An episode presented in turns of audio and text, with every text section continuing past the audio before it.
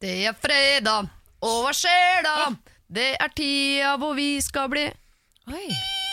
Ja, det kommer etter hvert her, ja. Eh, fordi det er jo først sånn Det er fredag, så hva skjer da? Det er tida hvor vi får en fridag. Fridag først, ja. Ja. Jeg bommer alltid. Og så er det hvor vi skal bare Ja, ja, ja, ja, ja. Da vet jeg ikke helt hva de sensurerer. Er det det at de skal ut og eh, Drita. Ja, men sensurerer Johnny og Onkel P, altså de mest rølpete rapperne i Norge, sensurerer de fylla, liksom? Ja, men de, eh, det er jo det kuleste du kan gjøre i rapp, er jo å ha eh, sensurering. De kunne ha sensurert ordet uke eller ku. Det er jo bare for å ha sensurering der, Ja. fordi det er rått. Ja, det er sant, det. Ja. Og i Norge så sensurerer man jo nesten ingenting, så de har bare lagt på sjæl. Ja. Det er nok det der, ja. Nei, eh, hvordan har dere det da? Er det noen som vil dele noe eksklusivt innhold til denne fredagspodden? Åh, jeg lever et så lite eksklusivt liv, dere. Mener du Det det? er så lite å fortelle. Det er liksom så kjedelig. Ja. Ja. Ja, masse ting jeg lurer på om det er sånn som er sånn ordentlig privat. Ja, men- prøv, et, prøv å stille et spørsmål. I verste fall så bare svarer jeg ikke. Har Emil vært og hilst på babyen i det siste? Uh, om han har vært og hilst på babyen, hvilket inngang mener du? Mm. Hvilken inngang mener du?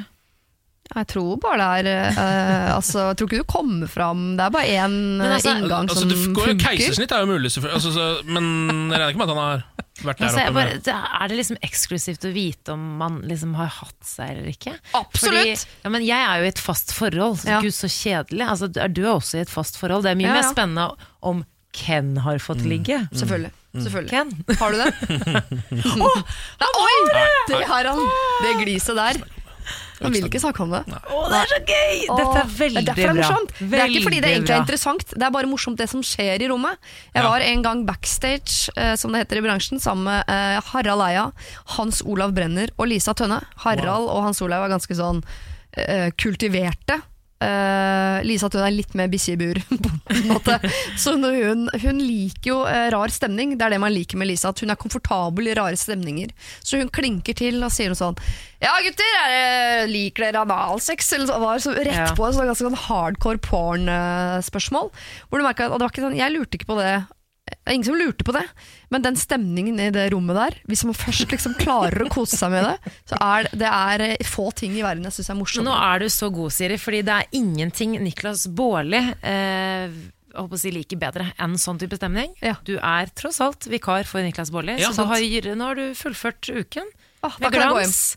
Vært så klein som du bare kan være. Eh, litt sur, som Niklas også kan være. Ja. Ja, ja. Eh, og bare rett og slett jækla god. Ja, vet Jeg hva er du har Niklas. du? Du har klart å speile din indre Bårli eh, på et glimrende vis, og det skal du ha all mulig kred for, for det er nesten ingen av de hele verden som får til det på den samme måten. Nei, skal vi rett og slett bare si at uh, velkommen til podkast, da? Ja. Morgen på Radio 1. God morgen, god morgen. Jeg heter Ken Vasenius Nilsen. Slett ikke alene i dette studio i dag heller. Siri Kristiansen, god morgen til deg. God morgen. Og Samantha Skogran, god morgen. God morgen. Er du redd for å være alene, Ken? Jeg er veldig mye alene, Ja. eh, men jeg elsker det jo. Eh, Så derfor så, men jeg, hvis jeg også måtte vært alene på jobb, tror jeg det hadde blitt litt trist. Ja, For da kunne jeg sikkert ikke vært så mye alene sosialt, og det hadde liksom gått imot hele måten jeg har valgt å leve livet mitt på. skjønner. Ja, men god morgen til deg òg. ja, takk for det. Det kan være litt vanskelig å komme hjem når man har fått det, altså dekt alle sosiale behov. Så kommer de hjem, så står det tre-fire eh, s- sultne bikkjer, som jeg kaller familien min eh, hjemme, eh, og forventer at du skal eh, mer å gi, mer å Ja. snakke om, at ting skal skje. Leke med og de, ja, ja. mate de. Og det eneste du vil, er egentlig bare å, at alle skal gå i mute, og bare se i hver sin retning, og, så, og håpe at klokka går. Men har de noen Noen som helst forståelse for det hvis du prøver å forklare det for dem? Eller er det på en måte Ja. litt sånn må du være superkvinne når du kommer hjem?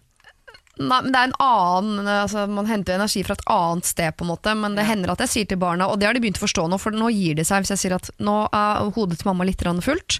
Nå trenger mamma litt tid for seg selv. Da, da skjønner de at nå må vi gå, hvis ikke da blir hun sinna. Ja? Det ønsker vi ikke. Jeg må ha en sånn Jeg må ha en sånn familie. Ja, fordi du har jo en uh, sulten skiskytter, eh, altså eks-skiskytter, så nå Ja. egentlig bare går på gress hjemme hos deg, hjemme hos deg selv. Han går mye på gress, for han spiller mye golf. Ja, ikke sant? Ja. Uh, Spilte mye golf etter han la opp, ja. Nei, men jeg, jeg er så avhengig av å være alene. Det er helt Ja. utrolig.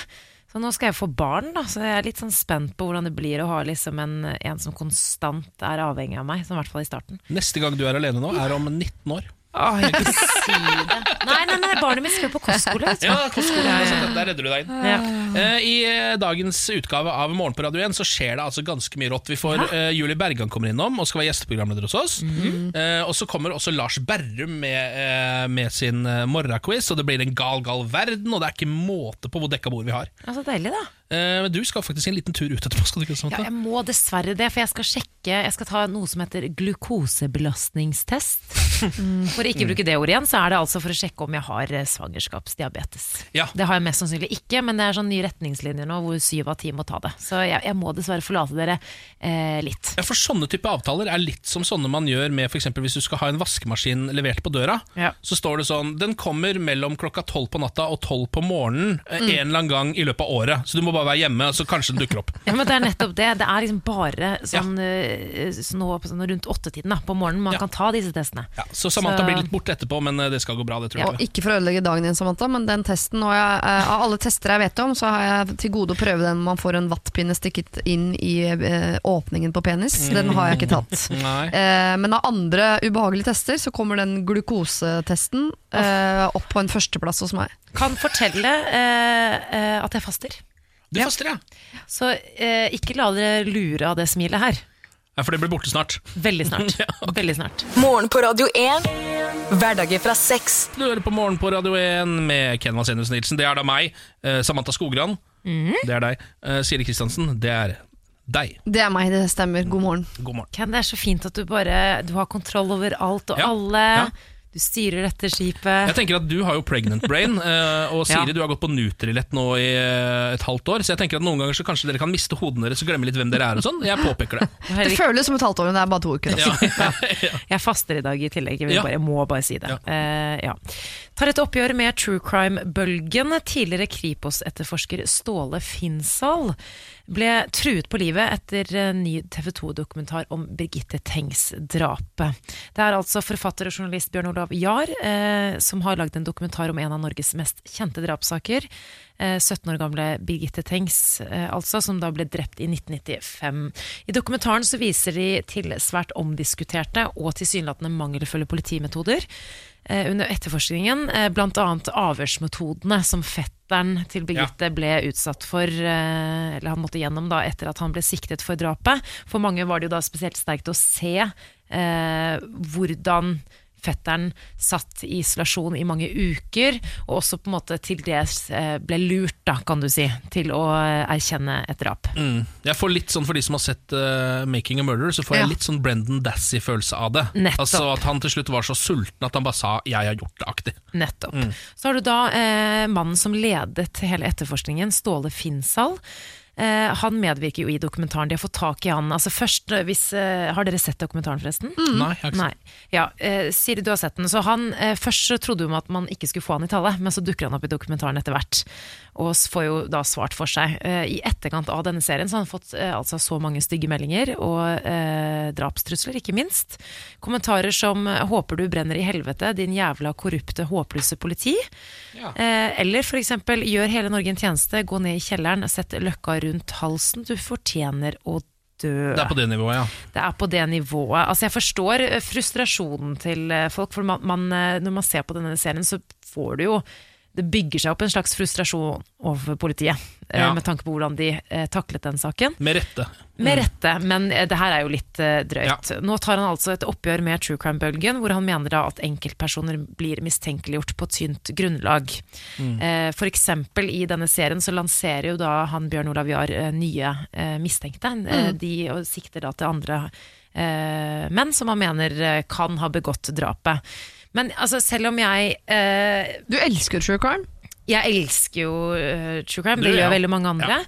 Eh, men jeg, jeg, kan forst- jeg er litt enig. Jeg, miss, jeg er ikke så glad i Ståle Finnsal. Det kan jeg jo si, i hvert fall etter den dokumentaren. Jeg kjenner jo på den frustrasjonen, men samtidig så er jeg litt enig i det han sier. Fordi du ser det også i den dokumentaren at eh, Bjørn Olav Jahr på et eller annet tidspunkt så følger de etter en mann som de mener eh, er mistenkt, da, eller sånn, de mistenker han for å ha gjort det. Eh, han er sladda, og altså, man vet jo ikke, han er anonym osv. Men du ser at eh, til og med Bjørn Olav Jahr får sånn dårlig samvittighet, for han bare fader, eller hvis det ikke er han, så, er liksom, så har vi jo på en måte jaktet på han, ringt Ja. han, altså hengte han ut til Ja. Eh, det, Det det, er litt farlig, altså. Ja, for Det å være politi og etterforsker er jo en profesjon, så at journalisten skal gå inn i andres profesjon og ta over, er jo litt arrogant på mange Ja, måter. på mange måter, Men så viser det seg at de finner jo ofte ting òg, da. Ja, som ikke har dukka opp tidligere. Så det er jo et eller annet med at de på en måte gjør akkurat det som er jobben deres som presse, og avdekke noe som ikke har blitt avdekka Det er en annen form for nysgjerrighet, men samtidig det jeg også synes er Jeg elsker true crime selv, men det jeg syns er litt sånn skummelt med det, er jo at eh, hvis du tar en sak langt nok tilbake i tid, så vil alltid metodene som brukes se rar ut, fordi uh, Ja. altså, ting utvikles jo hele tiden. Så hvis du Mm. går langt tilbake i utviklingen, så ser alt rart ut. Og hadde man nå funnet drapsmannen til Birgitte Tengs ved hjelp av de metodene, så er det jo ingen som har satt spørsmålstegn ved måten Nei. de gjorde det på. Ikke sant? Men nå er problemet at politiet ødela veldig mye av bevisene sånn ved å tråkke opp på fotspor. Altså, sånne, sånne feil som bare er litt sånn Hallo, det er jo ABC. eller- ja.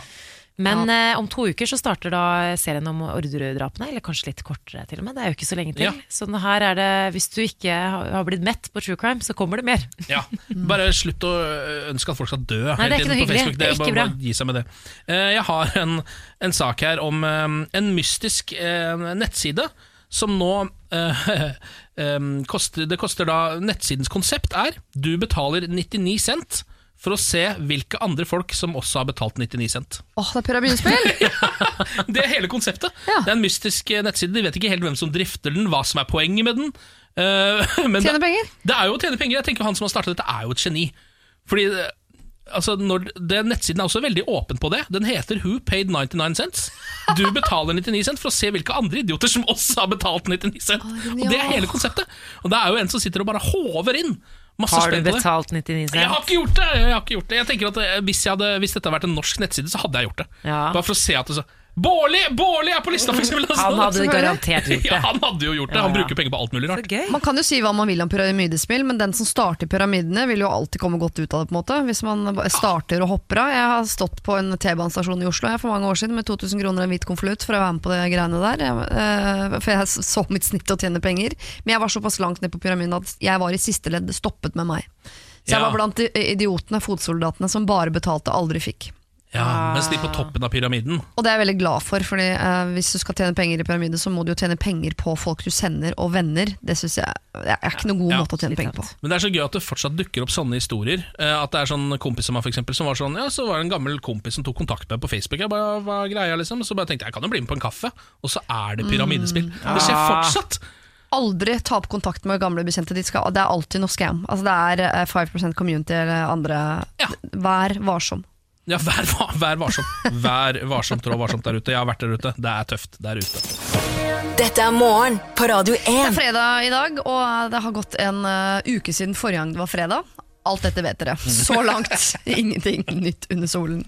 Eh, men fredag forrige uke så eh, fikk jeg rørlegger på besøk. Eh, og det var ikke et uventet besøk. Jeg hadde bestilt meg gullkran til kjøkkenet. Hvorfor, hvorfor skal du ha gullkran? Fra interiør... Interiørtrend. oh, ja. uh, og vi har hatt en kran på kjøkkenet som ikke har fungert i noen år nå, og så har jeg bare latt det være. Uh, men så ramla jeg over en billig gullkran eh, og tenkte at den skal monteres hos meg. Uh, og uh, så fikk jeg da på besøk en uh, ung jente som heter Mathilde, som kom og var rørlegger hos meg. Og det viser seg altså at i eh, Norge så har vi vel noe sånt som er det 3000 rørleggere? 160 av de er kvinner. Ja. Det er ganske lavt. Ja. Og jeg tror ikke det er helt unikt for rørleggerbransjen. Jeg tror nok det er ganske mange i, sånn, eh, i byggbransjen, så er det veldig sånn overrepresentasjon av, eh, av menn. Eh, og så har jeg eh, vært litt og sett på, for jeg synes det var så fascinerende med en ung uh, jente som drev uh, Og det var, altså Jeg har aldri hatt rørlegger hos meg, jeg ble stående ved siden av henne. Og det som er gøy at Jeg sto ved siden av henne og la tapet, for det gjorde jeg forrige fredag, på over kjøkkenbenken, mens hun lå under og monterte gullkran. Og så sa jeg på et eller annet tidspunkt sånn Jeg håper ikke du er redd for bisse På et tidspunkt så kommer det en bikkje hjem. Fordi da var lokføreren, min mann, ute og lufta bikkja. Så da kommer han hjem på et tidspunkt, så da står jeg og legger tapet. Hun monterer kran, mens mannen min sitter og koser med bikkja og ser på. Og så kommer sønnen min hjem, som også setter seg ned, spiser eple og ser på. Eh, Så da står det altså to kvinner i hvert sitt håndverkeryrke, mens det sitter to menn og en bikkje og ser på. Og det er noe veldig veldig vakkert eh, med det. Og jeg vet at det jobbes aktivt for å få flere kvinner inn i VVS-bransjen. Altså for å få flere kvinnelige rørleggere. Eh, Men grunnen til at det ikke er noe, er liksom tabu rundt at det på en måte er et lavstatusyrke, og at det er et manneyrke. Så er det veldig få kvinner som ønsker seg inn som rørlegger. Men skal være klar over at hvis du som kvinne nå velger å bli rørlegger eller et annet veldig sånn mannerelatert uh, yrke, så kan du også risikere å få et publikum. Folk som sitter og spiser epler og koser seg å se på, for de syns altså at det er så unikt og koselig å se på dette som utspiller seg. Jeg tror, hvis du først vurderer det, så tror jeg du skal gjøre det nå. Ja. Før det blir så vanlig at folk ikke gidder å spise epler og sette seg ned lenger for å se på. Ja, se på sånn. Oi. Og krana ble fin, den. To såpedispensere fikk jeg. En til håndsåpe og en til Zalo. I matchende gull. Ja, men herregud, Hiv deg på nå mens det fortsatt er et publikum. Ja, ja, ja. Det, er, det er litt viktig, det. Det er det man må gjøre, altså. Um, nå over til en uh, sak som uh, skal prøve å snu den feministiske trenden der, uh, Siri. Eller egentlig alle feministiske trender. Ja. For nå har altså konebærermesterskapet blitt avholdt i Nord-Amerika. Det nordamerikanske konebærermesterskapet har nettopp blitt avsluttet. Um, Er ikke det et finsk fenomen? jo, det er en finsk tradisjon, Ja. Uh, men de har, det har nå kommet til, uh, til USA. Hvor de også driver med det. Det er jo et finsk fenomen som eh, eh, spinner ut av en fyr som het røveren Ronkainen. Som pleide å stikke og rane alle mulige landsbyer i Finland og tok med seg konene på skuldra og løp av gårde. Vikingtid, kaller du det. Ja, jeg tror det var vikingtiden, ja. Eh, nå ble det da vunnet av Jesse Wall og Christine Arsenault, eh, hans kone. eh, Som vant eh, konebærermesterskapet. Og det han eh, vant, han eh, Jesse Wall, det var da eh, konens vekt i øl. Og ja, for jeg skulle si, det, at Her lønner det seg sikkert å være en stor mann og en bitte liten kvinne, men det, det går jo utover premien. Ja, Ja. ikke sant? Det, det var lurt, da. Da, går du ikke, da, da vinner du ikke like mye. Eh, konkurransen er da en hinderløype på ca. 250 meter, hvor du må bære med deg kona di og komme deg gjennom de greiene der. Mm. Eh, og da må det jo være greit underveis når du begynner å slite etter et par hundre meter, og oppløpet kommer, så er det sånn, så vet du at denne vekten jeg har på skuldrene mine nå, da får jeg øl, så jeg bare klarer å komme meg fram til målstreken. Hvis du mister henne, er det tilbake til start, eller kan du plukke henne opp der hun detter? Ja, det er akkurat De reglene er jeg ikke så dreven på, men jeg vil jo tro at å miste kona si under konebæring, da er du ferdig. Ja. Men hadde det vært greit hvis det hadde vært omvendt òg, da? At eh, kvinnene bar på mannfolk? Ja, det vil jeg tro.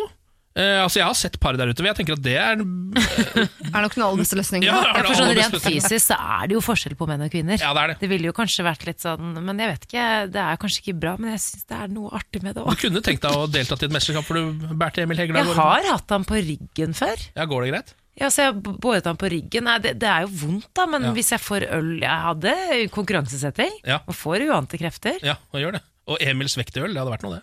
Nei, det er sommerfest hos meg neste. Ja. Da skal alle ta med seg barna Ja, Nydelig. Dere, jeg har en liten gladnyhet til alle Robin-fans. Fordi Robin er jo tilbake med nytt album nå hvert øyeblikk. Ja. Etter åtte år. Nå er hun brutalt ærlig om hvorfor hun forsvant. Eh, Robin Miriam Karlsson har ennå ikke rukket å bli 40 år, gitt. Eh, hun da slipper jo da sitt nye eh, album eh, nå snart. Hun har gitt ut syv album tidligere. Eh, men det har gått 23 år siden det første albumet. Det første, jeg tror Ja. du skulle si det forrige. Det, mm. Nei, nei, nei, nei, nei, nei. Hun har vært borte en god stund nå. I et større intervju med New York Times forteller hun eh, om hvorfor hun forsvant fra offentligheten. Hun har, ikke, hun har vært en person som ikke er så glad i å være så veldig offentlig, egentlig. Nei, hun liksom Dukka opp, og så gir de ofte ut sånn tre plater på tre år, så blir det borte igjen litt. Ja, Og de platene er ofte jækla gode. Ja. Men eh, i rundt, eh, det var rundt 2010, under arbeidet med den triologien Bodytalk, Talk at artisten møtte veggen, som eh, veldig mange andre gjør.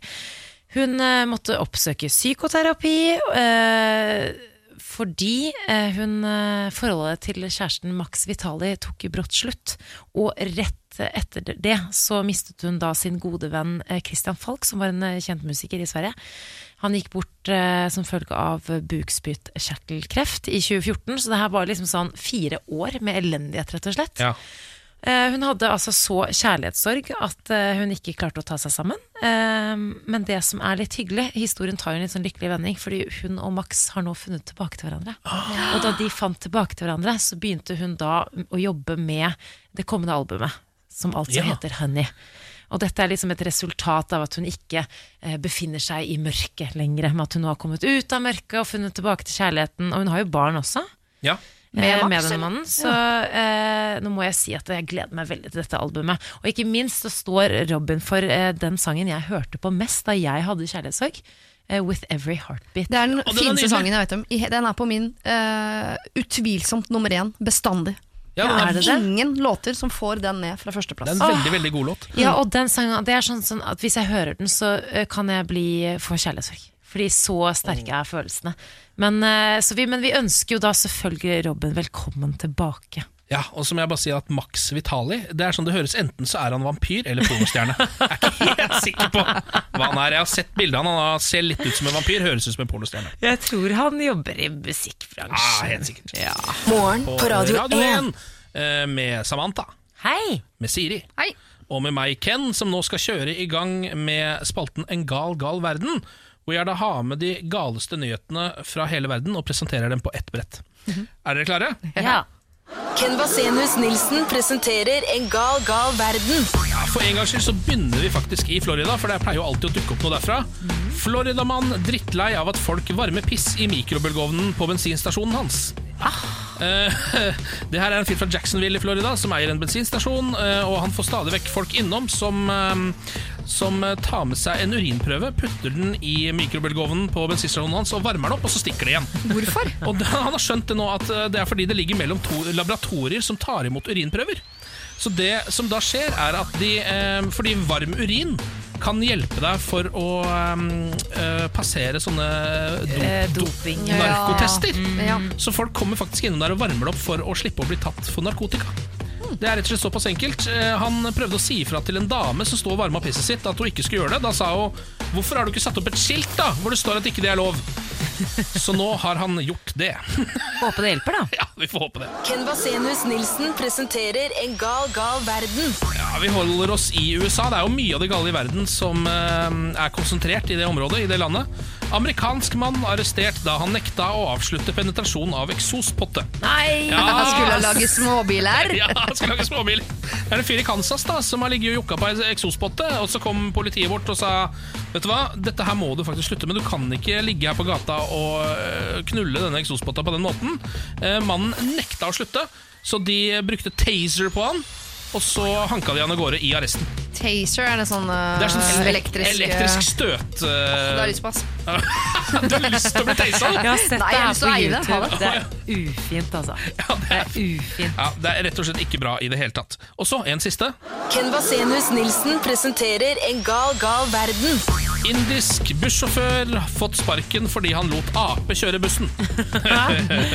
Kanskje han var flinkere? kan, kan hende apa var bedre. Dette er en fyr som heter De kaller ham bare for M. Prakash. Eh, han er bussjåfør i eh, India. Han eh, hadde en buss med ca. 30 passasjerer om bord. Da han lot en ape prøvekjøre litt, så han satt apa bak rattet og styrte selv gassen, så vidt jeg har skjønt. Og lot apa kjøre litt av gårde. Ingen av folka på bussen klagde på det. Men det var én som filma det og sendte det inn til busselskapet, og mannen har nå fått sparken. Men altså, de, vi deler jo noe sånn som 95% av genmaterialet vårt med apene, tror jeg. Så Ja. det at en ape kan kjøre buss, ja. Hvorfor ikke? Du skal ikke se bort fra at en ape kan gjøre en helt streit jobb med å kjøre buss, men jeg ville kanskje prøvd vanlig personbil først. Eventuelt begynt på sykkel og så tatt det derfra. Men du sier at han kalles M. Prakash, heter han ikke det? Ja, han, he, han, heter, eh, han heter Prakash etter han bruker, bare fornavnet M. Altså, det er sånn delvis eh, for å ikke identifisere hele fyren, tror jeg. Jeg skjønner, for. M. Prakash er jo en eh, kjent figur fra en indisk bok. Er det sant? Ja. Altså Balansekunst, der er det en som heter Emprakash som sitter på et skateboard og drar seg bortover asfalten etter nevene. Er det kødd? Nei. Ja. Da er det mulig at denne mannen er en avkommer eh, av den mannen du snakker om, som En- da prøver sånne ting som å la ape kjøre buss. da. Gal, gal verden. Det er, det er i sannhet en gal, gal verden, mine venner. Morgen på Radio 1. Hverdager fra seks. Og nå har vi fått Lars Berrum inn i studio. God fredag, Lars. God fredag. Vi pleier jo ikke å kjøre Lars eh, Berrums morgenquiz på fredager. Det blir litt bonusquiz i dag. Ja, Eh, Fordi vi syns du har vært så flink de siste dagene. ja, takk skal du ha. Du fikk jo mye kritikk i starten av uka, men eh, du har kommet deg for hver dag som har gått. Ja, altså, jeg, har aldri vært så nervøs jeg, for å quize en uke, men det har jo mye med Siri Kristiansen. Da. ja. hun, når hun skrur på, så er jeg jo evig lykkelig for at ikke du er mora mi. Eh, fy faen for et uh, hardkjør. Eh, det er utfrysning, og det er eh, streit fram hat på Ja. meldinger. Eh, og utskjelling. Ja, Det reiser opp og forlater studio når nivået ikke er høyt nok. Ja, ja. Det er jo helt, altså, Ting som jeg skulle liksom hatt med Siri Kristiansen da jeg spilte fotball, guttefotball som mor. da Så Ja. bare bomma jeg på mål. da Ja. Så ser jeg bare hvor er mamma? Nei, hun har dratt. Ja. Ellers så banker hun opp ja, motstanderne. stakk, og nå blir det kjeft å få når jeg kommer hjem. Ja, men Det er bra, Lars. Høye skuldre og svette. Da går vi inn i quizen. Lars Bærums morgenkviss. Ja, Temaet er jo da selvfølgelig fredag, Ja. og det er tre spørsmål. eh, og alt går ut til dere som et quizlag, og dere skal prøve da å svare riktig på alt. Eh, har dere et quizlagnavn for denne fredagen? Eh, Jeg har et som eh, vi ikke tror vi har brukt ennå, Ja. og det er Christoffer Columbus. Wow. Det er ikke dumt, det. Wow. Ja. Ja, nei, jeg liker det. Siri var litt Jeg eh, lurer på om vi hadde brukt det bare. Ja, du Ja. må ha brukt det. Ja, Nesten alt med Chris og Kristoffer Ja, som har vel blitt brukt. jeg, jeg tror ikke det. Fordi at, eh, ok, Så kanskje vi har brukt det i retning Columbus, altså oppdageren. Ja, ja, ja. Men uh, dette kan jo være et ordspill på busselskapet i Stavanger, som også heter Columbus. ja, sier du det, ja? Ja, da er det det der. Vi tar den, vi tar den. Ja. Ja. Ok, Da går vi på spørsmål nummer én. Ja. Fredag den 13. er jo kjent som en, den selve ulykkesdagen, ikke sant? Ja. Men la oss glemme overtro. Er det faktisk flere ulykker på fredag den 13. enn andre fredager? Ja. Er det ikke det, da? Fordi at folk eh, er mer redde, og så driter de seg ut, eller et eller annet sånt. Ja, men jeg føler at jeg har lest den avissaken, at det er faktisk flere ulykker på fredag. Eller er det altså. færre? Er det lurespørsmål igjen, Lars? Jeg det er orker ikke. Det kan ikke være et lurespørsmål. Jeg spør om Det er det, er det et ja-nei-spørsmål? Jeg stoler ikke på det Ja, for den saken har man jo lest, men man eh, Men hvilken retning? Ja, Ja, Hvilken retning? hvilken retning. Nei, det er færre ulykker fordi folk er mer forsiktige. Ja, det er det antageligvis. Så da er svaret nei. Ja. Nei, altså det er eh, Bare du jeg med, spørsmålet en gang til? Fredag 13. er jo kjent som selve ulykkesdagen, men la oss glemme overtro. Er det faktisk flere ulykker på fredag 13. enn andre fredager? Nei. Nei. Nei. Ok, da går vi til spørsmål nummer to. Det er mange artister som elsker fredager. Hvem er det som synger på dette klippet? Dæven. Jeg skal nå fortelle om ei vekentlig rutine. Meg og mine venner drikker til vi alle holder på trynet. Hadde aldri noe kjemi, men dette her er syre. Klokka bikker snart fire. Jenter rister på rumpene. Gutter titter på stumpene. Kakser bruker hender for å simulere pumpene. Men ikke før på Ah. fredag. Nei, ikke før, for det er da det skjer, man. Ka, ka, ka. Hva er det som skjer? Det virker som du har hørt denne før, Silje. Masse. Ja. Ok. Sitter du på svaret, eller? Det er Kjartan Lauritzen. Ja, for det, var, det eneste jeg skulle si, er at det er han som har et sånn utrolig vanlig navn. Høres ikke ut som han driver med musikk i det hele tatt. Og i hvert fall ikke rap. Eh, nei, men det er nok Kjartan Lauritzen, ja. Kjartan Lauritzen er endelig svar. Jeg tror det, altså. Ja. Er du glad i sangen? Ja, Jeg blir i veldig godt humør av den, ja. Ja, det er fredagslåt. Ja, Men eh, alle fredagslåter blir man godt humør Ja. av. Altså Cure sin og den der eh, til Johnny og Onkel P blir man glad i. Alle Ja. disse fredagslåtene. Ja. Ja, ja, ja, ja. ja, men Så bra. Da går vi til spørsmål nummer tre. da Fredag er jo den store TV-dagen, men når begynner godbitene på TV? La oss starte med Nytt på nytt. Det er ikke Her må dere ikke se på meg, jeg må melde meg. Jeg har aldri sett på jeg- 2055 Jeg må bare tenke sånn Der er det det er over i forhold til nyheter og sånn, da? Eh. På sånne ting er jeg helt altså jeg, Det kan være et mønster som gjentar seg hver dag i livet mitt. Jeg, klarer, jeg plukker det ikke opp. Altså, sånn, når folk sier gullrekka til meg, så er jeg fortsatt sånn Jeg vet ikke om det er fredag eller lørdag. Jeg husker ikke. Jeg vet ikke hvilke dager Jeg vet at Nytt på nytt er på fredager, men at Skavlan var på når fredager, begynner Nytt visste på nytt? Vi starter der. Vi må ha litt svar. 1955 dukker opp i mitt hode. Eh, 2055 dukker opp i, men jeg syns det er rart at det er fem minutter før TV2. Så seint som Vi ni? jeg, Altså, skal, til jeg skal ut etter to programmer til her, så vi må ha et svar. Så seint som eh, nesten klokka ni. Og så var det en halvtime, og så skulle Skavlan på en halv time. Ja, Nytt på nytt, når begynner det? 2055. Jeg bare sier det, jeg aner 2055. ikke. 2055. Senkveld 22.15 eller 22 Eller Senkveld nå med, med, med Stian og ja. Helene. Ja, ja, ja. Det begynner 22.15 eller 22.25, men jeg syns jeg skal få et slingringsmonn på ti minutter. Ja. Ok. Idol. Det er før det igjen, så det er klokka åtte, det da? Eller 19.30? Jeg aner ikke. jeg Er ikke det sånn som går litt før nyhetene, så kommer Jo. nyhetene, og så går det etterpå? Ja, 20, da. Når er nyhetene da på TV 2? 21. Oh, ja. Du er helt borte. Altså, Jeg aner ikke, jeg husker noen noe. Dagsrevyen her engang. Er, det er 1930 eller 20. Si 20, da, eller? Ok. 20, ok, Ja, ja. da går vi og får alle svarene, Ja. folkens. Da starter vi med eh, første spørsmål, som var da at eh, fredag 13. er jo kjent som selve ulykkesdagen. eh, og når vi glemmer overtro og ser på det faktiske, så er det da flere ulykker på fredag 13. enn andre fredager, var spørsmålet. Mm. Dere svarte nei. Og det er helt riktig. Ja, bra. Det er faktisk mindre. Ja, altså, I hvert fall ifølge Trygg og sånn, en artikkel fra 2012 og utover, så er det faktisk målt at det er færre ulykker på fredag 13. Alle har lest den artikkelen, vi bare huska ikke utfallet av den. Ja, liksom. ikke sant? jeg har ekstra poeng for at jeg sa det var færre ulykker? Mm, nei. men det er riktig. okay, da. Eh, spørsmål nummer to. Det er mange artister som elsker fredager. Eh, og hvem var det som synger her? Og da hørte vi et lite lydklipp. Ja, vi hørte litt på det her. Ja, Og dere svarte da Kjartan Lauritzen. Det er helt riktig. Kjartan Lauritzen er jo da et uh, artistnavn. Han heter jo egentlig Per, han fyren her. Ja, Det er veldig gøy artist, da. så det er veldig bra. Det er veldig god start. To av tre foreløpig. Og så kommer siste spørsmål. Fredag er jo den store TV-dagen, men når begynner godbitene på TV da? Og da starter vi med Nytt på nytt. Her Må vi ha alle dere tre riktig der for å få ett poeng? Ja. Her svarte dere eh, på Nytt på nytt, så svarte dere 2055.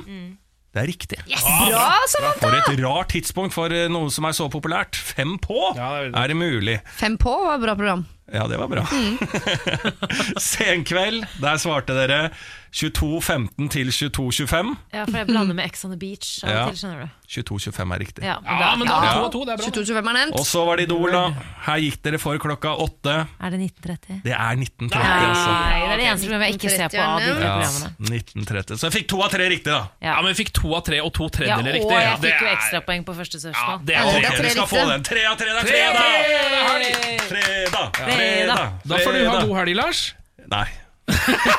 For det har du aldri. Nei, det blir, det blir mørkt. Kan jeg få lov å si at Idol-programleder Katarina Flatland er min gode hjelper på uh, søndag? Sammen med Anders Hoff fra Skal vi danse. Er det Ja. sant? Oi, så kult. Ja, selvfølgelig skal du få lov til å si det. Da vet du også denne gangen når det programmet starter. Det syns jeg du skal brife med når du møter henne. det skal jeg gjøre. Ja. Så du var jo i gang 1930 du på fredag. Kan Det skal jeg si. Akkurat det skal jeg si. Eh, Samantha, du må jo også stikke, fordi du skal jo sjekke at det går, står bra til eh, i magen. Jeg tror Det er litt uh, ut av hensyn til dere også, Fordi jeg Ja. faster jo for å ta denne prøven her. Ja. Eh, jeg blir et uhyggelig menneske om fem minutter. Ja. Sånn er det bare. Så det er greit at du også stikker. Du får bli med Lars ut. Heldigvis får vi jo Julie Bergan på besøk, da. Yep. så uh, Julie Bergan erstatter Lars og Samantha. Det Ja. går opp, det. Ja, det går akkurat opp til regnestykket. Det går helt fint. Morgen på Radio 1. Nå er det altså på tide å sette i gang med Radio 1-millionen. Og hvem er det vi har med på telefon, da? Ja, det er Håvard Bjermland. Ja, God morgen, Håvard. God morgen, god morgen. Hvor er det du eh, kommer fra? Jeg kommer fra ei lita bygd som heter Daustad i Møre og Romsdal. Ja, Er det der du eh, befinner deg nå også, eller? Ja. Um, inngangsspørsmålet i dag var jo da altså hvem som spiller den kvinnelige hovedrollen i Titanic, filmen som kom ut i 1997. Og hva er svaret på det?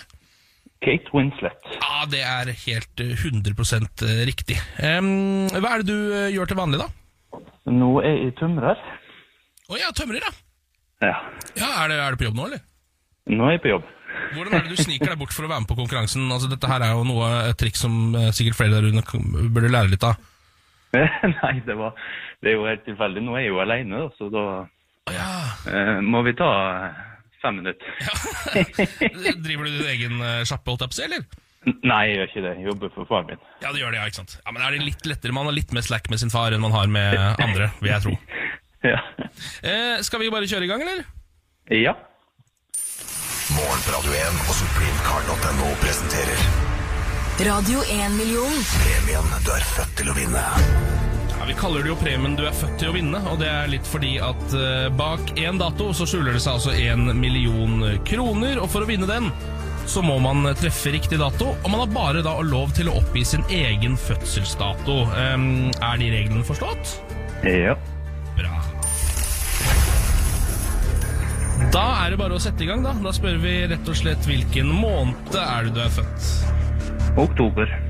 Oktober, ja. Hvilken dag i oktober er det vi snakker? 19. 19. oktober. Og hvilket år? 1984. 1984. Skal vi se her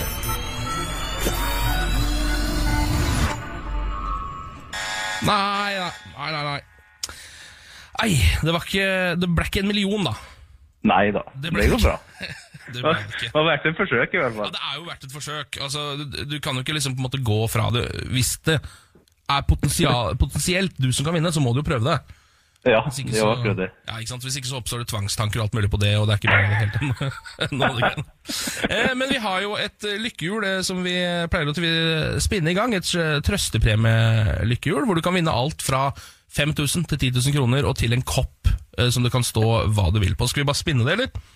Ja, takk.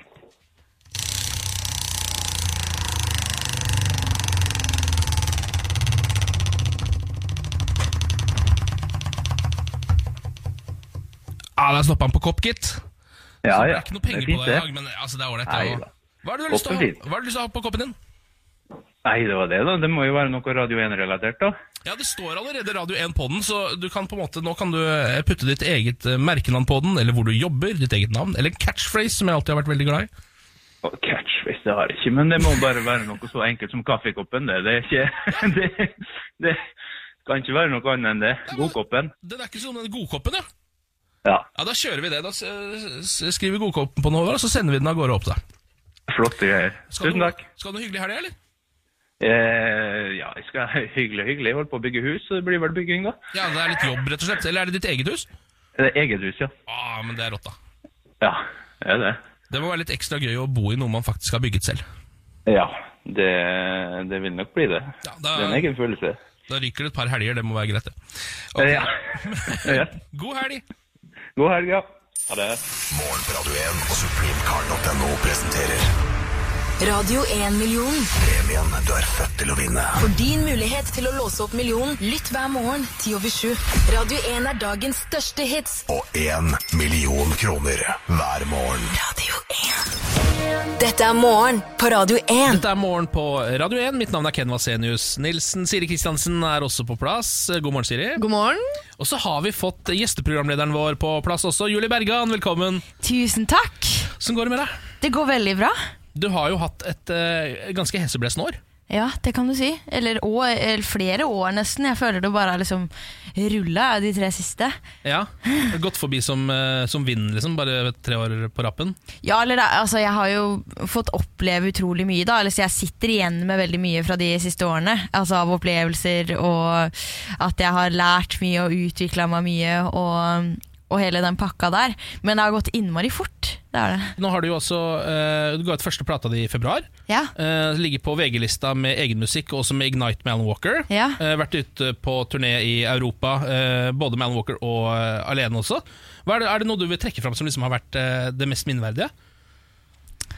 Oh, um jeg syns jo alltid at ting er på en måte Det er ikke nødvendigvis kanskje det største eller det beste som er på en måte det mest minneverdige. Nei. For jeg føler at det er mange ting som kanskje stikker seg ut fordi at det, det var noe spesielt ved den dagen, eller opplevelsen eller følelsen man hadde akkurat på scenen der og da, eller sånt.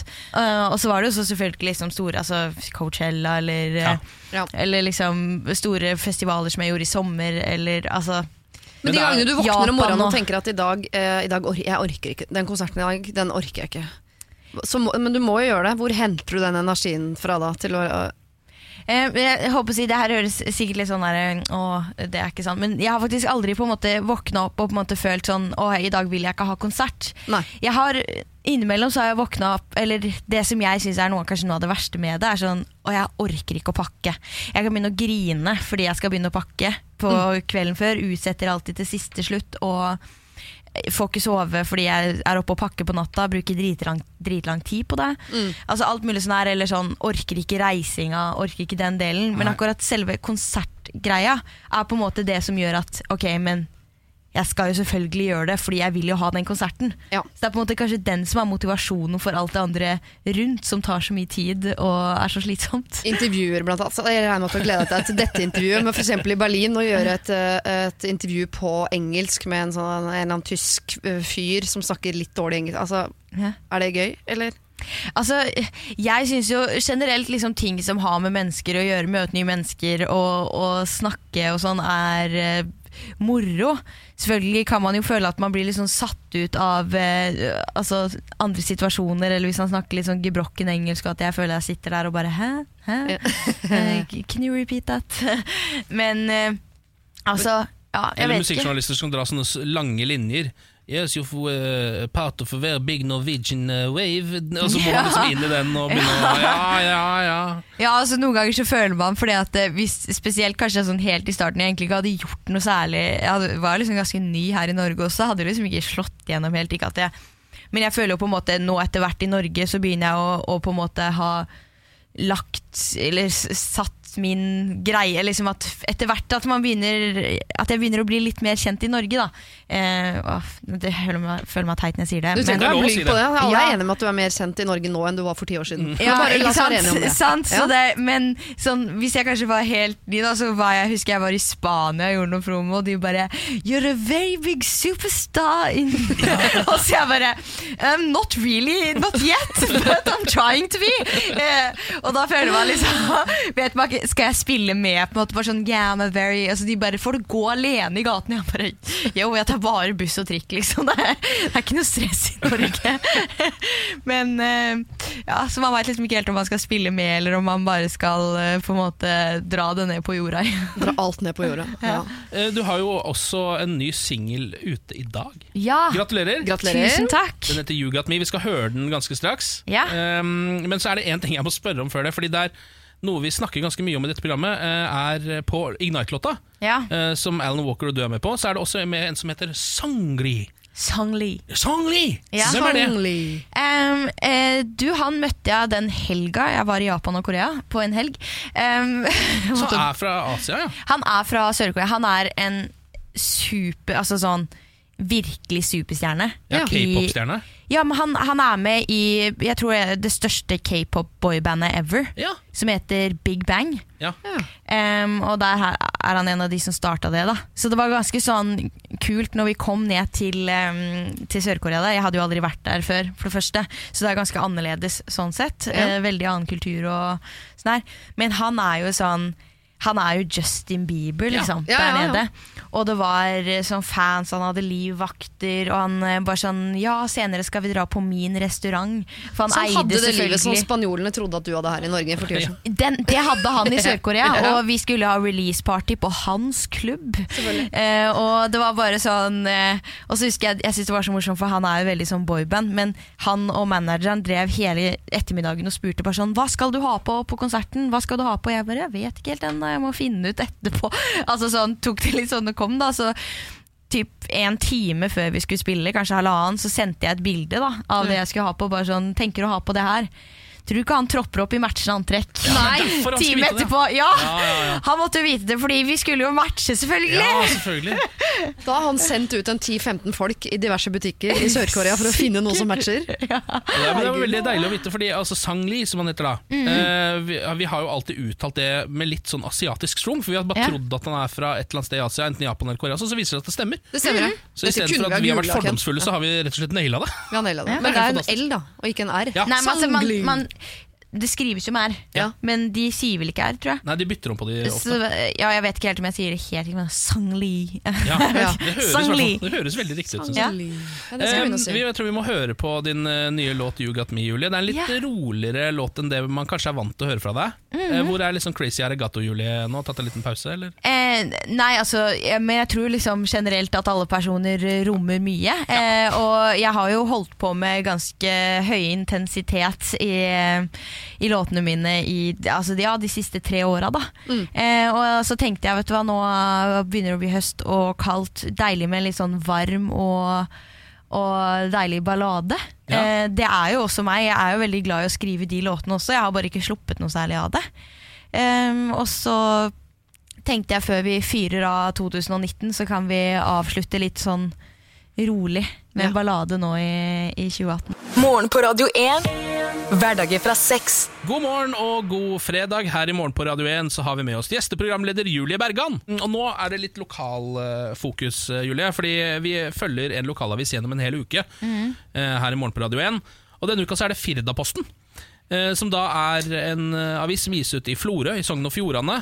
Mm. Dekker også Bremanger kommune. Må ikke forveksles med Firda, som er en litt større avis Ja. fra samme område. Ja, for den føler jeg har hørt om. Ja, for Firda er litt, kanskje litt mer kjent enn Firdaposten. Den er litt mindre.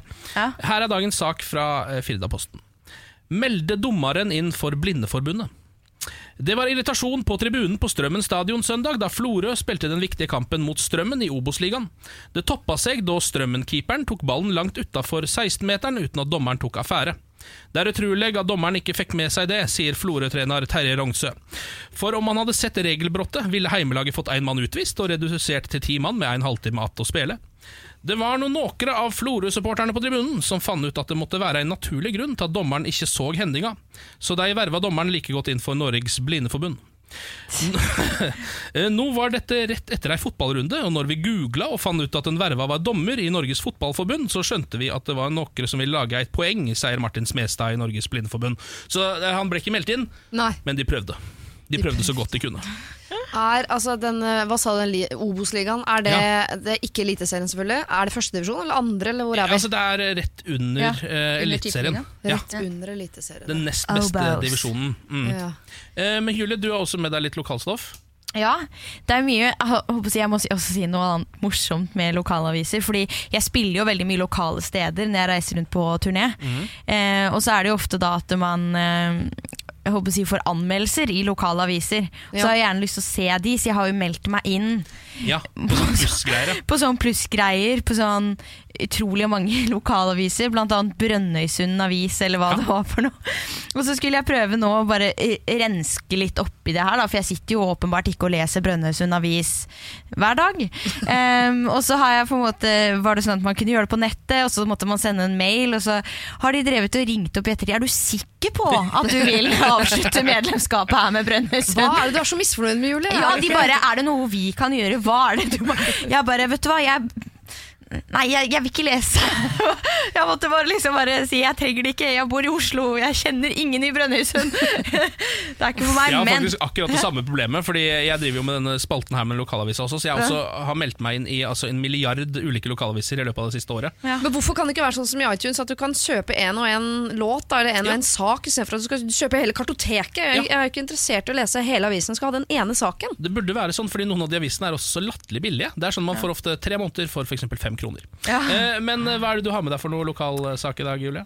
eh, jeg har med en eh, for så vidt litt trist lokalsak. Eh, det var fra Varden, som er eh, min lokalavis. da Varden og Thea er det. Eh, men eh, i fjor så spilte jeg på, eh, på Treungenfestivalen i Treungen i Telemark. Ja. Og da kom det ut eh, en sak etterpå 'Spilte så høyt at kvige måtte slaktes'.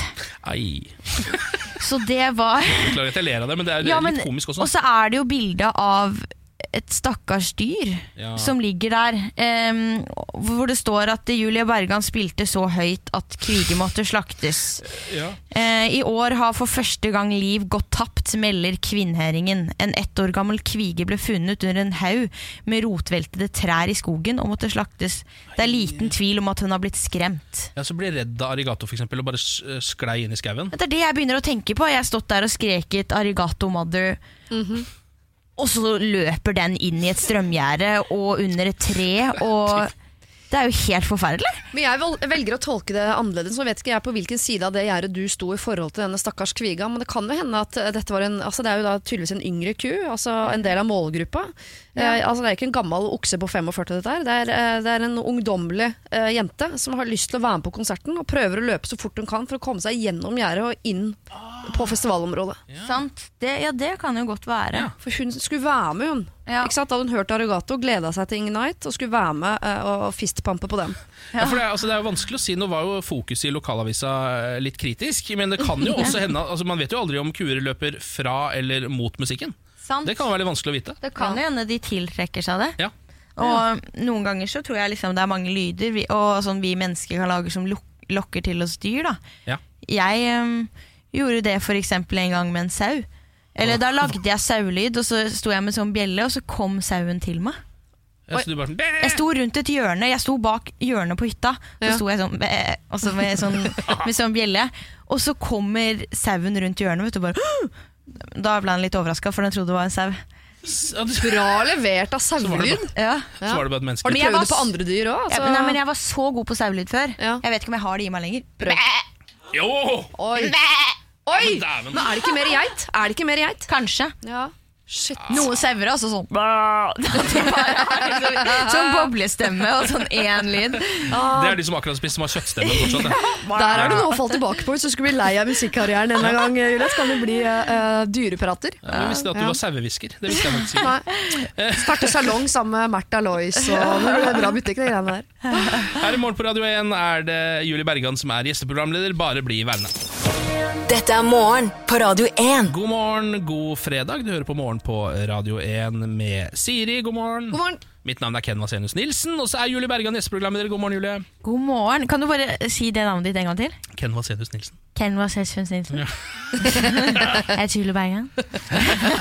Er det var, Bergan? det var litt sånn flow på det. Ken Vasenus Nilsen. Ja, du likte å høre navnet Julie Bergan sammen med navnet Ken Vasenius Nilsen? Ja, Julie Bergen. En Sexy talk. Ja, Ja, er sånn ting på morgenen, det må jeg si. Du, jeg har tenkt å spørre deg om en ting, eh, Julie. For jeg lurer på, hvordan syns du, Er du god på å ta imot komplimenter? Ehm, ja, altså sånn Etter hvert som på en måte man skal oftest være i sammenhenger hvor jeg skal eh, klare å ta imot ting, Ja. um, så har jeg på en måte føler jeg har fått litt sånn øvelse i det. Spesielt når det gjelder kanskje sånn karriere eller liksom konsert og sånn her, men Ja, klarer du bare å si takk, eller er du litt sånn som sier sånn 'Å, fin genser', men sier sånn 'Å, den her? Nei, den er jo gammel', eller den er bare som er ute, eller Eh, nei, altså sånn, Jeg er sånn som bare sier 'Å, tusen takk, så hyggelig at du syns det'. Altså Ja. At det er litt mer der, da. Jeg kan være litt sånn dårlig til å kanskje ta imot fra liksom folk nær i min krets. Hvis de sier sånn 'Å, så fin du var', så er det sånn derre «Ah, og, Altså sånn At man er litt dårligere på det da. Ja. Men sånn i det store bildet så tror jeg jeg har blitt ganske god til å bare 'Tusen hjertelig takk'. Ja, du har blitt proff, på en måte. Ja, Ja. Da skal jeg tørre å gi deg et kompliment, for dette har jeg gått og kverna på ganske lenge. Fordi jeg er ikke så god på å ta imot komplimenter, og så er jeg ikke egentlig så god på å gi heller, for det er noen ganger jeg misforstår. At det er noen ganger jeg lurer på uh, eh, eh, rett og slett ikke er så smart når det kommer til komplimenter, så jeg sier unnskyld på forhånd. Eh, hvis dette blir rart og kleint på noen som helst måte. Men jeg har et kompliment. jeg kan ikke se på deg mens jeg gir det. Jeg litt. er, du, er du sikker på at det er et kompliment? Ja, jeg- nei, jeg er 95 sikker på at det er et kompliment. Jeg prøver, jeg prøver. Fordi eh, eh, altså, jeg liker jo deg veldig, veldig, veldig godt. Eh, og så har jeg tenkt at jeg setter deg i en annen målestokk, for nå er det jo mye bra musikk fra Norge. Jeg ser bort på Julie av og til, men prøver å egentlig eyeballe Ken her nå. Det greit. Eh, mye bra musikk fra Norge, men det er mye av musikken fra Norge som er sånn eh, Som jeg føler at er litt sånn gøy for utlandet, på linje med sånn uh, troll og mose og elg og fjord og fjell, liksom. Så jeg tenker at du er den artisten vi har i Norge som er sånn uh, Som er av amerikansk standard, skjønner du hva jeg mener? At du er på en måte interessant i utlandet fordi du er eh, genuint god, ikke bare fordi du er sånn Å, det er artig med noe greier, og fra nord, der er det, det nordlys, og så er det Julie Bergan, og så er det Nordic Noir? Ja. ja, skjønner du hva jeg mener? At jeg, bare, jeg tror det er uh, kanskje mange der ute som ikke engang vet at du er norsk, bare syns at det er bra musikk. Er det et kompliment? Det er jo absolutt et kompliment hvis du føler at man kan måle seg med altså sånn, For det er det som ofte er vanskelig, eller som man prøver på også da sånn eh, Når man starter også i Norge, for eksempel, Mm. og gi ut musikk, så hvorfor skal folk velge å høre på meg istedenfor Brianna eksempel? Vi begge synger jo på engelsk eller har poplåter, altså, hvis du skjønner hva jeg mener. Ja. Eh, men eh, at du Det er absolutt et kompliment hvis du syns det har så god kvalitet at eh, de liker det rett og slett bare fordi de tenker at dette er bra. Ja, da skal du få det komplimentet. Tusen takk. Du må kanskje jobbe litt med komplimentene dine, bare fordi det, det, det var litt langt. Ja, Jeg tror jeg har tenkt på ting her. Og så bygger du på en måte opp en voldsom redsel før du kommer med noe også. Jeg både jeg og Julie var livredde for hva du skulle si nå. Trodde det skulle være mye vondere enn det. Ja, men kunne ha bomma, liksom. En litt sånn Ja. der, type Eller jeg så en film eh, nå faktisk i går hvor, det, hvor hun sa til en annen sånn 'no offense, but' Bla, bla. ja. Og så sa hun sånn 'Hvorfor sier alltid folk 'no offence' før de skal offende deg?' Ja. Det hørtes Ja. litt ut som det var en sånn type ting som skulle komme. Jeg vet ikke gruer helt om det er et kompliment, ikke for å være frekk, men Mm. du er Så du ble litt letta, da. Ja, ja, det Ja. her var jo kjempefint. Du klarte å holde det i land, syns jeg. Ja. Ja, Julie, du hadde lyst til å snakke om flytting. Ja, eh, altså jeg har jo akkurat eh, kjøpt min første leilighet. Ja, Gratulerer. gratulerer. Ja, eh, og så grunnen til at jeg ville bare håper å si, er at jeg tenker så mye på flytting. Ja. Eh, det tar så mye tid. Jeg har flytta 17 ganger i mitt liv. Tre ganger i år. Og men- jeg er så drittlei. Hvorfor har du flytta tre ganger i år? Fordi at jeg har bodd Jeg har leita etter noe å kjøpe lenge. Sant? Og så har jeg bodd midlertidig i der, ja, steder hvor jeg bare skal liksom bo litt. Da. Sånn der, å, ja, jeg har dette i fire måneder, på den Ja. tiden skal jeg finne meg noe å kjøpe. Ja. Og så har jeg selvfølgelig ikke det godt. da Nei. sant? Men Så nå har du Sånn. flytta inn i det første stedet som er ditt. Ja, og det er jo helt fantastisk. Men det er jo så mye styr, og det er jo så mye man trenger i et hushold. Ja. Det er jo helt utrolig. Har, Hva du har du av ikke masse ting fra før, eller? nei! Eh, Starta på en måte liksom på scratch. Altså klær og sko, det har jeg. Eh, men utenom det så eh, er det ganske tynt. altså, det i hvert fall du skal sette av ett rom i leiligheten til walk-in closet. Eh, ja, ja, soverommet blir litt sånn skap. Ja. Hele soverommet. Ja. Ja, har folk så store leiligheter at de kan sette av et helt rom til å være garderobe? Ja, det syns jeg folk har. Nei, det vet jeg ikke, men uh, opp en Om ti eller år så satser jeg på at jeg har det. Ja, ok. Men, Men det du, ja, for det, det eneste, Mitt eneste tips når det kommer til flytting, Mm. er å leie folk til å gjøre det for deg. Fordi jeg syns det er verdt det uansett. Jeg blir, blir men, så psykisk stressa av å, å vite at jeg skal flytte rundt på masse greier. Men jeg har jo fått liksom altså sånn, Visse ting har jeg fått hjelp til, f.eks. at jeg har hatt veldig mye ting ute på et lager nå Mm. i en sånn midlertidig periode. Og da hadde jeg folk som kom, eh, en flyttebil, og så var jeg sånn Nei, nei, men dere trenger bare å være én eller to stykker. Ta sikkert en halvtime, det er bare noen klær og sko. Fylte opp en minitrailer. Um, og det tok i hvert fall to timer med to menn som holdt på konstant med å flytte det over. Eh, men da fikk jeg på en måte gjort det. Men senere nå når jeg på en måte henta alle tilbake, da, så er jeg også jeg er faktisk veldig Folk er så snille, folk er så hjelpsomme. Jeg har jo også en som er med meg på tur, som kjører alt musikkutstyret når vi er på turné. Og han har hjulpet meg så mange ganger med flytting nå. Og, ja, og Men er det litt sånn at du også. ringer han på speed dialen fordi du vet han er sånn flyttetype? Eller som liker å bære ting? Ja, men han, jo, han har store biler, og han Ja. er liksom flink på det. Og han er innmari snill og hyggelig, så det var sånn hyggelig å ha han med på det. Men det som er, man kan jo få hjelp til flytting. Det er Ja, ikke ja. det. Men du har jo ikke lyst til at en, en eller annen random skal uh, gå gjennom alle tingene dine og se hva du skal bevare og ikke. Nei. Skjønner du hva jeg mener? Nei, men Da må du arrangere sånn sex og singellivkveld, som jeg husker de hadde, hvor alle er der og får sånn oh. terningkast som de får gi til alle kjolene. Eller de har sånn de får Jeg så den, det. beholde den eller pakke den ned. Ja, de har sånn der eh, tas, take Ja, ja. eh, Og så drakk de ja. bobler og koste seg samtidig. jeg vet det, men det så jeg på, holdt på å si. Eh, For, for fire dager siden, kanskje. Den Ja, filmen. ja. Um, om det var fire dager siden. Ja, du så faktisk. Sex and the City-filmen for fire dager siden? Ja, jeg har akkurat sett god, alle sesongene nå. Ja. Um, for tredje gang. Jo, men det som er at hvis jeg skulle gjort det sånn, så hadde det jo seriøst tatt tre uker. altså, Det er jo så innmari tidskrevende. Det går jo så sakte. Hvis jeg, altså jeg bare var sånn her Kast, kast, tat, kast, kast! Så bare sto sånn her. Men ja, nei, gud. Jeg bare Jeg måtte snakke om flytting. Fordi det, er, det tar så mye av tiden min og hjernekapasiteten min om dagen at jeg vet ikke hva jeg skal gjøre av meg. Men jeg ville begynt med uh, kjøpe deg en god seng, kjøpe en god sofa og kjøpe en stor TV. Og så kan det andre ting kan komme etter hvert. Lykke til med flyttingen, Julie. Å, takk. Vi skal faktisk straks uh, kjøre en slags Nesten kalle det noe programlederprøver. jeg, Ok, Som du skal gjennom. Så spennende. ja, lykke, lykke til med det også. Eh, Det blir straks her på Radio 1. Morgen på Radio 1. God morgen og god fredag, Siri Kristiansen. God morgen! Julie Bergan, gjesteprogramleder. Ja, Går det fortsatt bra? det går veldig bra.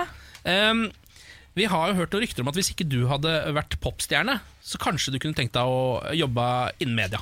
Altså Ja. vært programleder for eksempel, på radio eller TV. da Ehm, Så Derfor så tenkte vi at nå skal vi la deg prøve det. Se hvor god du kan være. Som en liten søknad som vi kanskje kan sende rundt til ulike mediehus. Hvis det skulle gå skikkelig til helvete. Bra å bygge opp en CV, jeg har jo ikke det nå, vet du. Så Nei. hvis vi kan ta med litt lydfiler i den. Ja, ja, ja, ja. det er klart det. Det er det vi tenkte, Så nå uh, har vi da på en måte tre manus i tre ulike sjangere som vi tenkte du skulle prøve deg på her. Uh, Ja. Det aller første er barne-TV. Ja. Um, og da har vi også en liten sånn uh, trudelutt med en liten, um, en liten vignett som med et underlag uh, som du skal få lov til å lese på. Em, er du klar for å teste deg som uh, barne-TV-programleder? Ja. Ok, here goes. Hei sann sveisann, alle barn! God fredag til alle store og små, og velkommen til Julies moroshow! I dag skal Hoppeloppeklubben på tur for å lete etter skumle, skumle kvister i skogen. Disse skal vi ta med tilbake, så skal vi vise deg hvordan du kan lage ditt helt eget sopelime til halloween. Vi får også besøk av Samantha, som har med seg kaninen sin Gogo. De har akkurat vært med i Norge, Norgesmesterskapet i hopping. Vi setter i gang! Oi, oi, oi, det der er applausverdig, altså. Jeg likte spesielt når du går opp og 'Vi setter i gang!' For jeg vil sagt sånn 'Vi setter i gang'. Sagt, Men du har 'Vi setter i gang'! Det var veldig og kaninaktig Ja, og du har faktisk litt en kaninaktig stemme der. Du kunne du dubba en kanin i en animasjonsfilm. Akkurat som du har vært på Norgesmesterskapet i hopping og gikk rett eh, over i det siste Ja, men jeg føler det må være litt sånn sprettent og moro for, for barn for oppmerksomhet. Så jeg vet ikke. var, ja, det var, det var så Ja, dritbra. Ja, meget bra. Meget, meget Takk. Nå er det jo en litt mer sånn seriøs sjanger, for nå er det nyhetene. Ja. Og Da skal jeg ta en liten uh, nyhetskjenningsmelodi først, og så setter jeg på en måte over til deg. Ja. Er du klar, eller? ja, Gir du meg et Ja, tegn? jeg gir deg et lite tegn, ja. Er du okay. klar? ja. Ja, Du hører på Radio 1, og hver eneste time så får du selvfølgelig en nyhetsoppdatering her på kanalen. Her får du nyhetene ved Julie Bergan. En mann i 50-årene er alvorlig skadet etter at bilen han satt i kolliderte med en passasjerbuss. Ulykken fant sted på rv. 23 vest for Elgskaustunnelen litt over klokka to. Passasjerbussen var tom for passasjerer, og sjåføren av bussen kom fra ulykken uten skader. Mannen i bilen er kjørt til Drammen sykehus med kritiske skader. Stadig flere nordmenn bryter loven. Det viser tall fra Norsk kriminalitetsinstitutt. Siden januar 2017 har 65 000 personer brutt loven. Dette er en økning på 16% fra året før. Og nyhetene fikk du av Julie Bergan. Ja, Det det. er ikke mangler. Jeg, jeg savna en lyd mellom de to nyhetene. Ja. Ja, en for sånn kjenningslyd, ja. Jeg vet at du skulle ligge sånn Ja, En liten skillelyd, ja. Ja. under. Ja, det er sant. Du savna egentlig den her. Ja. Ja. Ja. Eneste grunn til at den ikke kom, at da kan det hende noen tror det er ekte nyheter. Ja. Ja. Så Derfor så droppa vi det.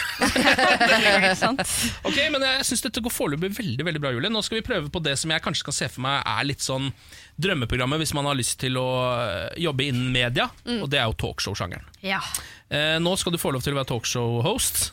Er det liksom bakgrunnsmusikk da? Eller sånn stemningsmusikk? Ja, eller egentlig så er det bare en liten sånn uh, vignett-trudelutt her også. Ah, søren klype. Ja, For du tror det er bedre med underlag, er det det? Ja, ja. De har jo alltid det på sånn introduksjon og sånn. Ja, de har Ja. det, men ofte så er det, går den over i bare applaus. Så vi, så vi, kanskje vi kan legge på noe svak applaus i starten. Ja, hvis dere bare- gjøre. Er du klar, eller? Ja.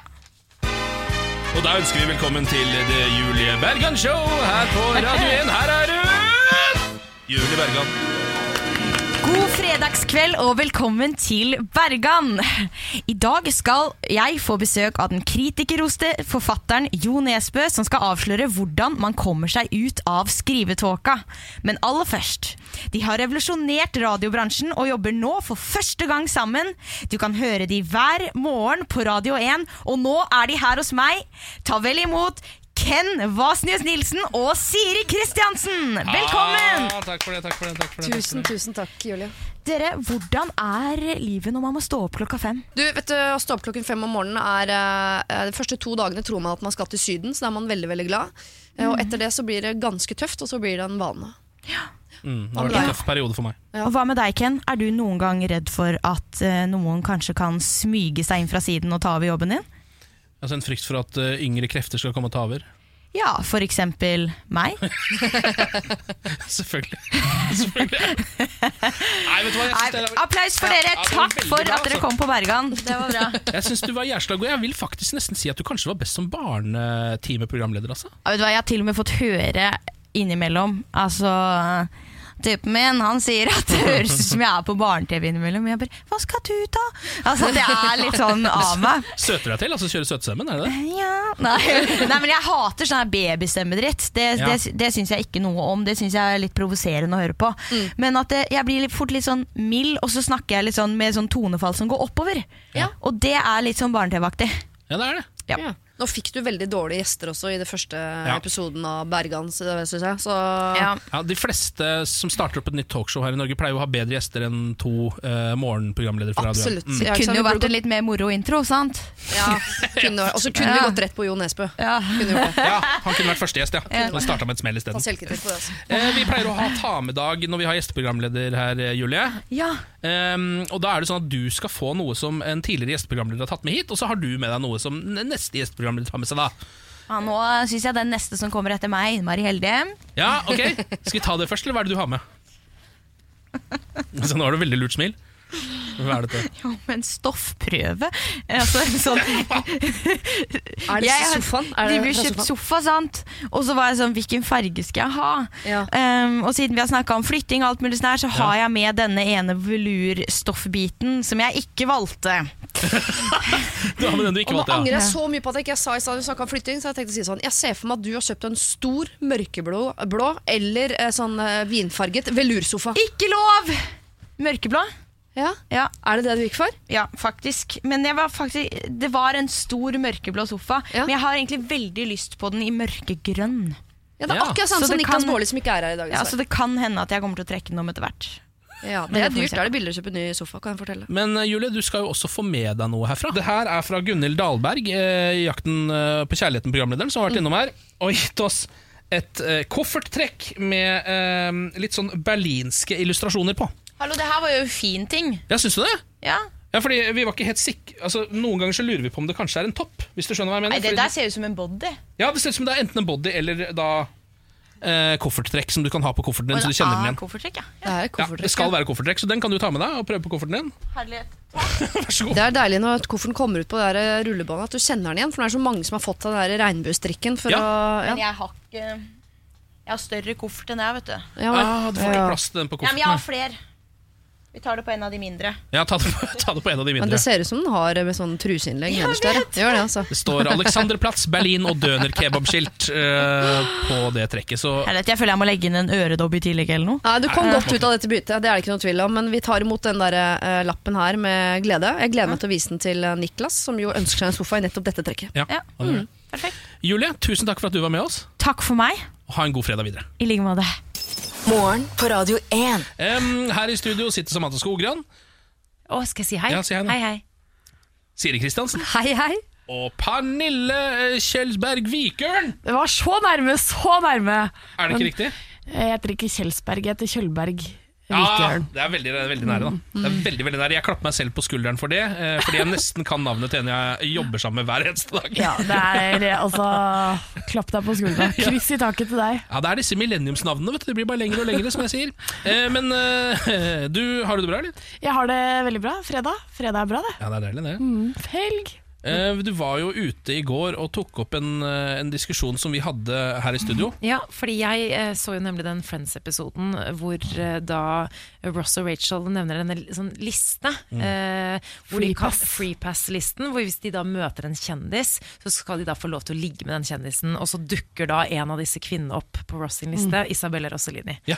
Og da tenkte jeg sånn, hm, kanskje jeg skal lage meg en sånn liste selv med Emil, eh, for det syns jeg fortjener, rett og slett. Absolutt. Jeg mener jo at ethvert forhold bør ha freepass. Og derav kom spørsmålet liksom, hvem ville du tilbrakt Og da er det jo mest sannsynlig bare en natt. ikke sant? Ja. Hvem ville du tilbrakt en natt med? La meg bare si at eh, folk har tolket dette spørsmålet litt, eh, litt forskjellig. For jeg har jo da spurt hvis du kunne tilbrakt, tilbrakt en natt med hvem som helst på den jorda, hvem skulle det vært og hvorfor? Mm. Ja. Dalai Lama. For å prøve å bli litt smartere. Jeg, jeg kan ikke tenke meg noen andre enn kjæresten min. Jeg. Post Malone, kanskje. For han virker så morsom. Jeg tror vi hadde hatt mye gøy. The Rock. Astrid Smeplass. For hun er pen. Obama, kanskje. Fordi jeg bare syns han er interessant, og han har veldig mye bra å si. Så er han sexy i tillegg. Ja, det hjelper jo. Putin, kanskje? Bare på dritt. Ja, for jeg finner ikke noe verre mann å lure hemmeligheter ut av enn han. Celine Gomez. Men det er fordi at hun ser utrolig bra ut. og Hun har eh, en god eh, hva skal si, attitude, da, som jeg ser i hvert fall da, på TV. Ok, jeg har en eller annen kjekk fyr jeg har alltid hatt et eh, glimt i øyet på, men det kan jeg ikke si her, hvem det er. Men hvorfor? Han er jo så sjarmerende, da. I, I would like to spend the night with my mom because she's the person that I really love. the most important person in my life. Jeg tror det ville ha blitt en sånn flaske vin samtalegreie, eventuelt. Sex kan man jo få hvor som helst, nesten, så det er ikke noe gøy lenger. Sikkert eh, John Lennon, kanskje.